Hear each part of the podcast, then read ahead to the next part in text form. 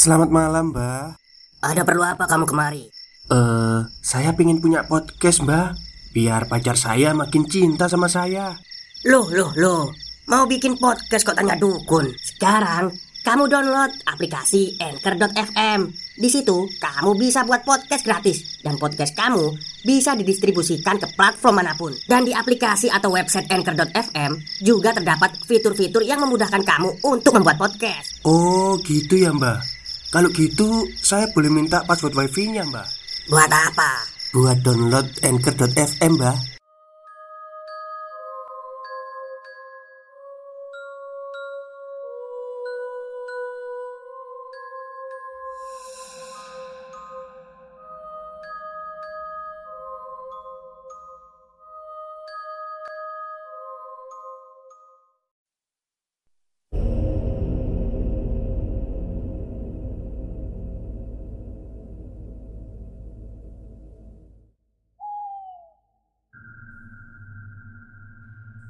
Assalamualaikum warahmatullahi wabarakatuh. Halo semuanya Jumpa lagi dengan saya Chow Sing Sing Kurator dari podcast Horror Night Story. Halo apa kabar semuanya? Semoga kalian semua baik-baik saja ya. Dan seperti biasanya pada malam hari ini saya kembali Dan akan menceritakan sebuah kisah mistis untuk kalian semua Kisah mistis kali ini saya datangkan dari tweet twitternya Mas Miss Viola Perempuannya Yang menceritakan tentang horornya lantai 4 yang ada di gedung kampusnya. Seperti apa kisahnya? Mari kita simak. Cerita 8 tahun yang lalu di kampusku dan terungkap beberapa minggu yang lalu. Kisah kali ini aku akan sedikit throwback ke masa awal kuliah, tepatnya tahun 2010. Dulu, pertama kali kuliah, aku ambil jurusan TI. Bukan karena suka, tapi karena ngikut teman. Ingat ya adik-adik, jangan ditiru. Kuliah itu ambillah yang kalian suka, jangan ikutin temen. Tapi karena aku memang dasarnya nggak gitu pinter matematika dan nggak mudengan sama bahasa pemrograman Jadinya aku out setelah baru beres semester 1 Dan tahun berikutnya pindah ke jurusan sastra Inggris.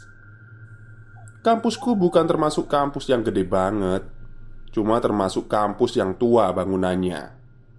Perabotannya, meja kursinya masih jadul parah Gedung fakultasku itu lima lantai. Lantai 1 sampai 3 dipakai buat kelas. Dan lantai 5 dipakai untuk ruang dosen dan dekan. Waktu pertama kali masuk Kakak tingkat sudah ngewanti-wanti Untuk jangan pernah naik lift sendiri ke lantai 5 Karena liftnya akan selalu berhenti di lantai 4 Dan kebuka ketutup sendiri di lantai 4 itu Bahkan dengar-dengar Kadang lift suka macet di lantai 4 itu. Aku sih percaya-percaya aja Karena memang kadang mereka suka seliweran. Bahkan ada yang suka ikut kelas. Masalahnya Ada satu geng isinya lima anak tuh. Skeptisnya parah banget. Sebodoh amat sama apa yang kakak tingkat bilang mereka pemberani, tapi dengan sangat tidak mempercayai keberadaan mereka tuh ya gimana ya? Bisa salah bisa enggak sih? Mendingan netral aja gitu maksudku. Sampai suatu hari Kami ada kelas sampai jam 6 sore. Kebetulan kelasnya ada di lantai satu. Dan temenku Salah satu anggota geng itu lupa masukin tugas ke loker dosen Yang berarti ada di lantai 5 karena nggak tega kalau dia sendirian ke atas. Aku pun menawarkan diri untuk nemenin. Setidaknya kalau ada apa-apa dihadapi berdua lah. Tapi dia nolak Dengan alasan bentaran doang. Gak akan ada apa-apa. Jadilah aku dan empat teman gengnya dia Dan dua temanku yang lain nunggu di depan lift. Kebetulan di depan lift di lantai satu ada tempat penjaga gedung. Jadi ada kursi dan meja.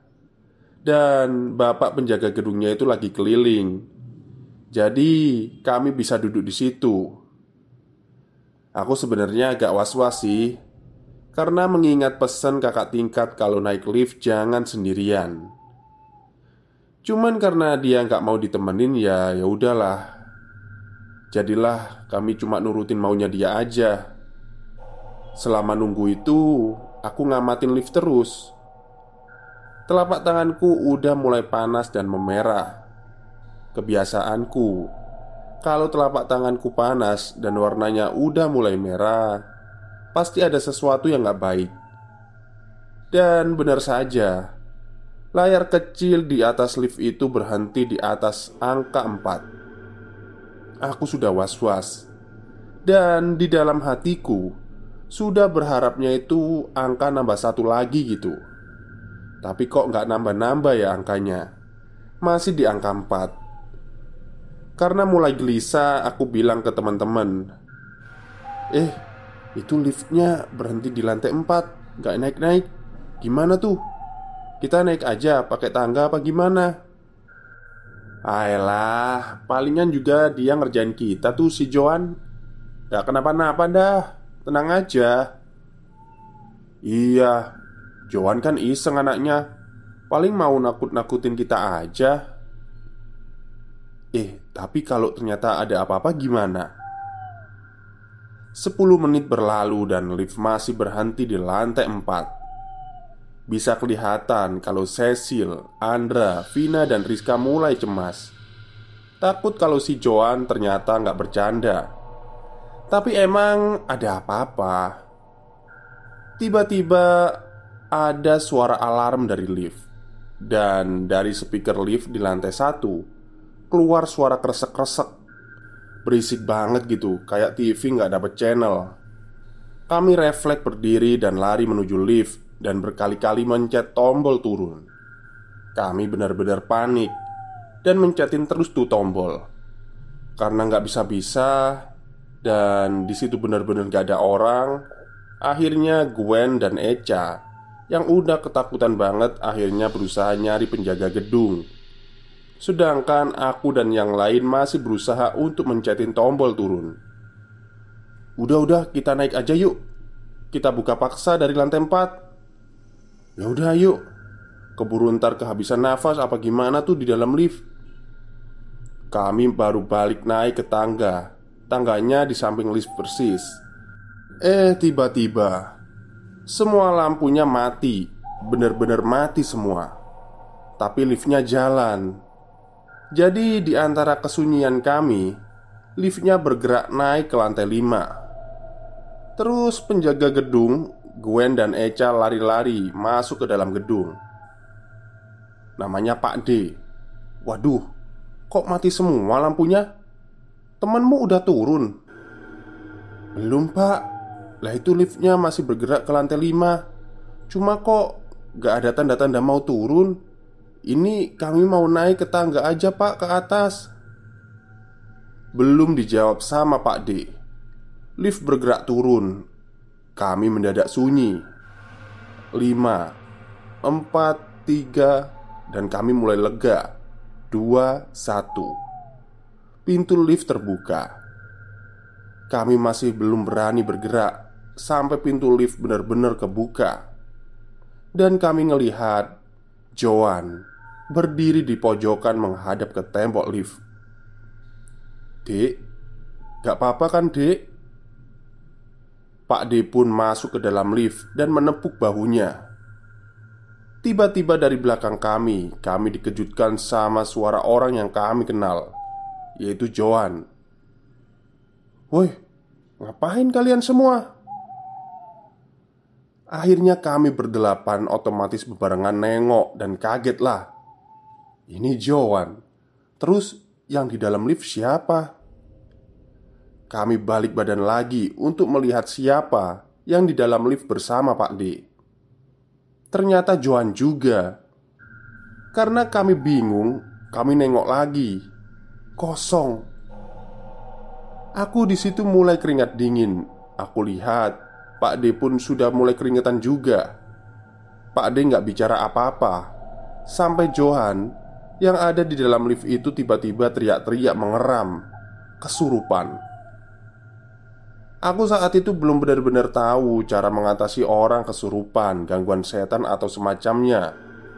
Cuma aku bisa lihat Ada sosok yang lagi ngerangkul dia dari belakang. Perempuan atau kuntilanak? Ya nggak tahulah. Karena sosoknya jauh lebih menyeramkan. Gak pakai baju. Badannya kurus kering. Kayak tulang ditutupi kulit doang.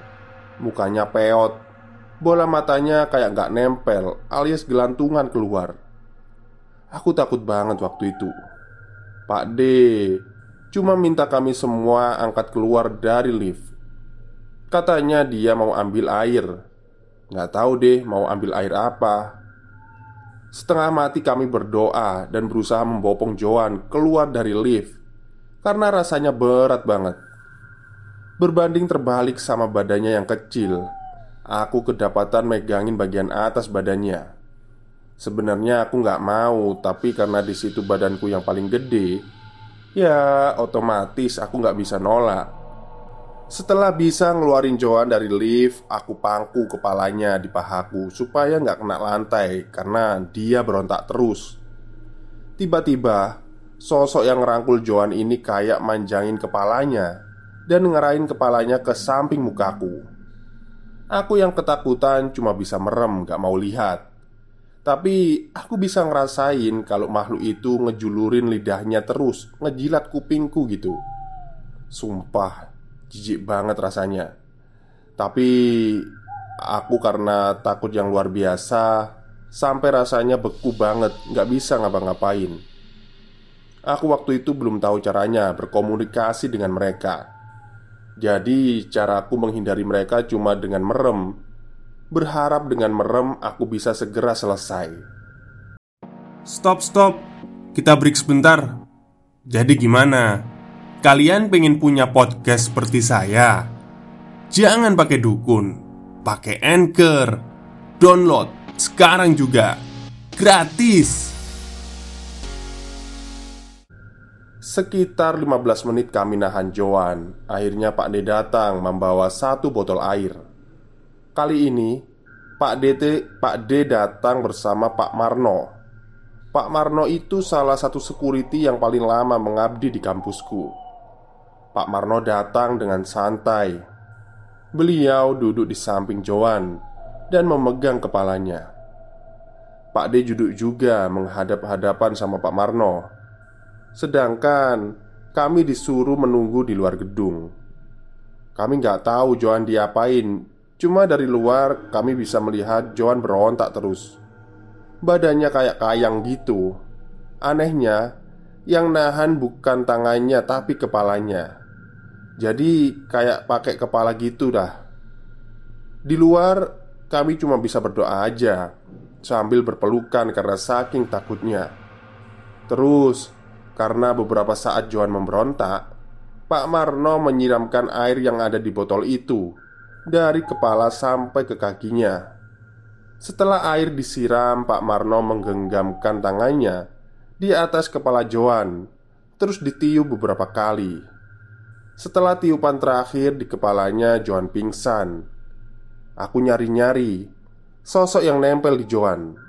Ternyata sudah nggak ada, udah aman lah pikirku. Kami pun masuk dan membopong Johan keluar dari gedung fakultas dan memasukkan dia ke dalam mobil. Sebelum kami cabut, Pak Marno sempat bilang, "Lain kali nggak usah sendirian ke atas kalau sudah maghrib. Kalaupun terpaksa harus ke atas, mending rame-rame atau minta ditemenin Pak D. Mbak Johan itu nanti mungkin akan kosong beberapa hari, tapi nggak ada apa-apa. Biasa, dijagain aja biar cepet balik kayak biasanya lagi. Makanya kalian itu kalau dikasih tahu senior nurut aja. Nggak selalu apa yang dibilang senior itu nggak bener. Iya pak, makasih ya pak. Tapi Johan beneran gak apa-apa pak Iya udah gak apa-apa Tapi ya sebisanya jangan ditinggal sendirian ya Iya pak Makasih pak Maaf merepotkan Aku, Cecil, dan Andra langsung cabut nganterin Joan balik ke kos. Sedangkan yang lain memutuskan untuk pulang karena masih takut. Sampai di kosan, Joan masih belum sadar. Cecil langsung nyalain lagu-lagu rohani tuh Saking masih takutnya. Sedangkan aku sama Andra Berusaha bantuin Joan Biar bisa segera bangun. Kasih minyak di hidungnya, di dadanya Sambil gantiin bajunya yang basah Karena disiram air tadi. Baunya sih kayak bau mawar. Cuma kayak ada bau lain gitu Tapi aku nggak tahu apa. Sekitar dua jam Kami di kamar Joan. Akhirnya Joan buka mata Tapi tatapan matanya kosong. Kami berusaha ajak bicara Tapi dia diem aja Bener-bener kayak orang yang jiwanya nggak ada. Sama sekali nggak bicara. Cuma kalau dia mau apa dia nunjuk doang. Karena Pak Marno sudah berpesan untuk jangan ninggalin Joan sendirian Kami pun memutuskan untuk nginep di kos Joan malam itu. Andre. Waduh, aku takut. Si Joan gini terus. Bisa normal lagi nggak ya dia? Eh, Vi kamu bisa lihat yang begituan kan? Yang kamu lihat sekarang apa? Uh, yang aku lihat sih badannya Joan di sini, tapi jiwanya kayak nggak ada di sini. Tapi aku nggak tahu juga, aku nggak yakin, Ra. Makanya jangan terlalu nggak percaya sama dunia lain, karena itu memang benar-benar ada. Dengan kalian nggak percaya sama mereka, mereka jadi ingin bikin buktiin Terus ini gimana? Apa perlu bilang ke orang tuanya aja? Mending jangan deh Pak Marno tadi kan bilang Beberapa hari lagi bisa balik Kalau enggak gimana? Ya kita tanya Pak Marno Jadilah Selama beberapa hari kami nginep gantian di kos Joan Untuk nemenin dia Ngasih makan, minum, mandiin Ya bener-bener kayak ngurusin mayat hidup deh. Sampai empat hari kemudian waktu itu kebetulan jatahku sama Andre jaga. Joan bangun. Loh Kok kalian di sini? Akhirnya Aku udah takut kamu gak bisa balik loh Jo. Kami kaget. Gak bisa balik gimana? Aku pun jelasin semua kronologi kejadiannya Iya aneh. Orang aku habis naruh tugas di lokernya Bu Ambar tuh ya. Terus aku langsung turun lewat tangga. Liftnya nggak mau naik. Terus di lantai satu aku ngelihat kalian nggak jelas banget di depan lift. Dipanggil nggak nengok. Jadi aku cabut. Lama-kelamaan terus aku balik ke kosan. Terus ya biasa aja. Waktu itu kejadiannya hari Jumat kan Jo? Ini tuh hari Selasa Mana ada Hari ini hari Sabtu lah Gimana deh Johan pun mengambil HP-nya Terus tahu-tahu dilempar Anjing Beneran ini hari Selasa Makan tuh hari Sabtu Dikasih tahu nggak percayaan banget Orang kita yang ngalamin kok Hah? Kok bisa sih? Ya iyalah bisa Udah lihat sendiri kan? Johan masih bingung Aku pun juga bingung, kok bisa dia merasa cuma semalam, sedangkan kami di sana sudah empat hari. Selepas kejadian itu, kami udah gak berani lagi di kampus sampai malam. Bahkan gak berani ambil kelas yang selesainya di atas jam 5 Bahkan gak berani rapat untuk acara fakultas di kampus Trauma sekali 8 tahun sudah berlalu sejak kejadian itu dan beberapa bulan yang lalu aku sempat main-main ke kampus. Ya sekalianlah reuni sama teman-teman angkatan dulu. Lantai 4 sekarang sudah dipakai jadi kelas-kelas juga. Jadi udah lumayan aktif Udah direnovasi, dicat ulang pula. Lift juga sudah diganti baru Dan gak ada tuh ceritanya lift macet. Tapi emang dasarnya aku blow on atau apa ya Aku tuh kepo. Aku pingin tahu Si makhluk yang dulu itu masih ada apa enggak? Jadilah aku masuk ke lift sendirian. Aku pencet tuh lantai 5 Waktu itu hari Jumat jam 3 sore. Jadi kampus masih rame.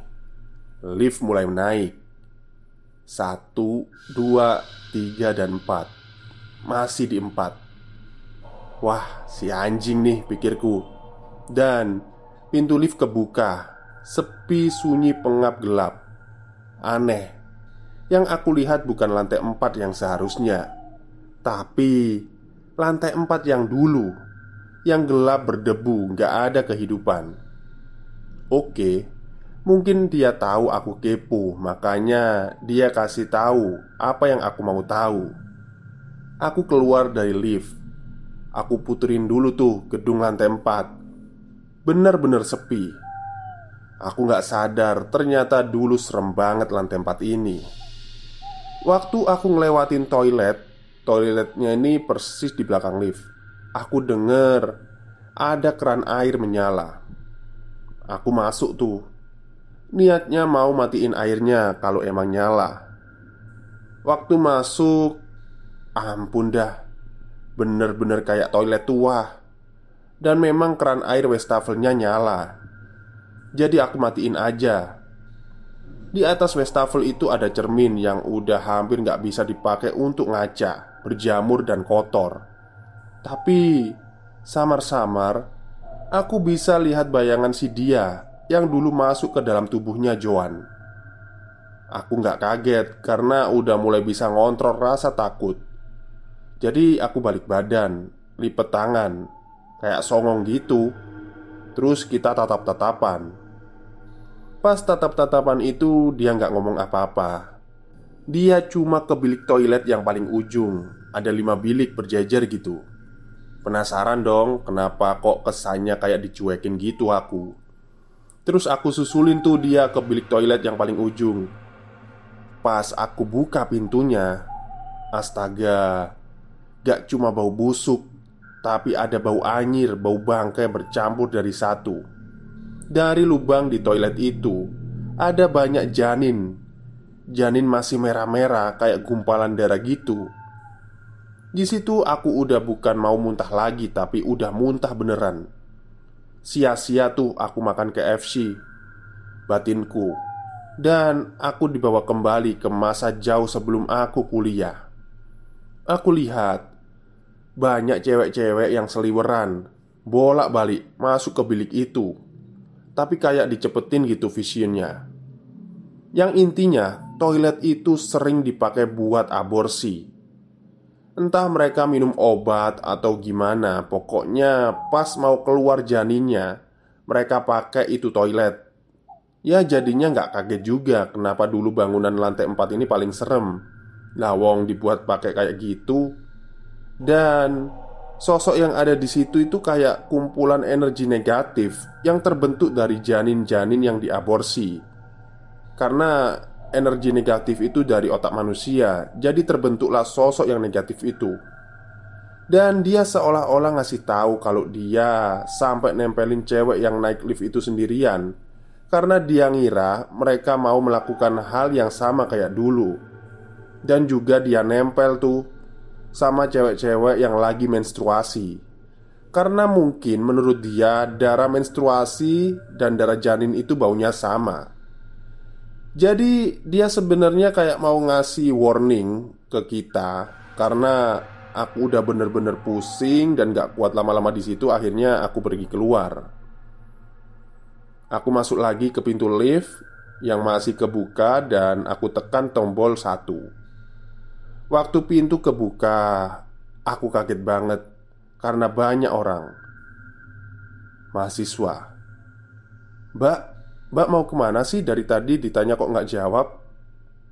Aku Hah? Iya Ini lift udah naik turun tiga kali mbak Mbak mau ke lantai berapa? Eh, eh, lantai satu Lah ini lantai satu mbak Oh gitu ya? Oke oke thank you. Oke. Jadi aku ternyata dibikin keluar dari ragaku. Terus aku jadi kayak orang bego di dalam lift naik turun tiga kali. Bangke banget dah. Sebelum aku cabut Aku sempat nengok lagi ke atas Ke arah lantai empat. Aku lihat sosok itu masih ngintip Dan aku ngerasa dia masih ngeliatin aku sampai pergi Ah, ternyata banyak manusia-manusia bejat yang menciptakan setan. Tapi setannya yang disalahin karena ganggu manusia. Padahal itu karena perbuatan mereka sendiri. Gak heran kenapa kadang mereka marah sama manusia. Oke sekian dulu cerita kali ini. Terima kasih atas support kalian. Baik itulah akhir cerita yang ditulis oleh Miss Viola Yang menceritakan tentang kampusnya dulu Terutama di lantai 4 jadi terjawab sudah ya Kenapa lantai 4 itu angker? Karena Toilet di lantai 4 itu ternyata Dibuat ngebuang janin Atau aborsi lah ya. Banyak banget mahasiswi yang membuang janinnya di toilet itu. Ya Gimana ya Sebenarnya nggak cuma mahasiswa sih. Siswa SMP, SMA itu juga sekarang itu perbuatannya itu kayak nggak mikir gitu. Setelah mereka berbuat gini gini gini terus hamil atau gimana akhirnya digugurin. Ya dosanya double double lah. Ya naudzubillah min dalik ya semoga kita semua yang ada di sini dijauhkan dari hal seperti itu Oke, mungkin itu saja cerita pada malam hari ini. Kurang lebihnya saya mohon maaf. Selamat malam dan selamat beristirahat.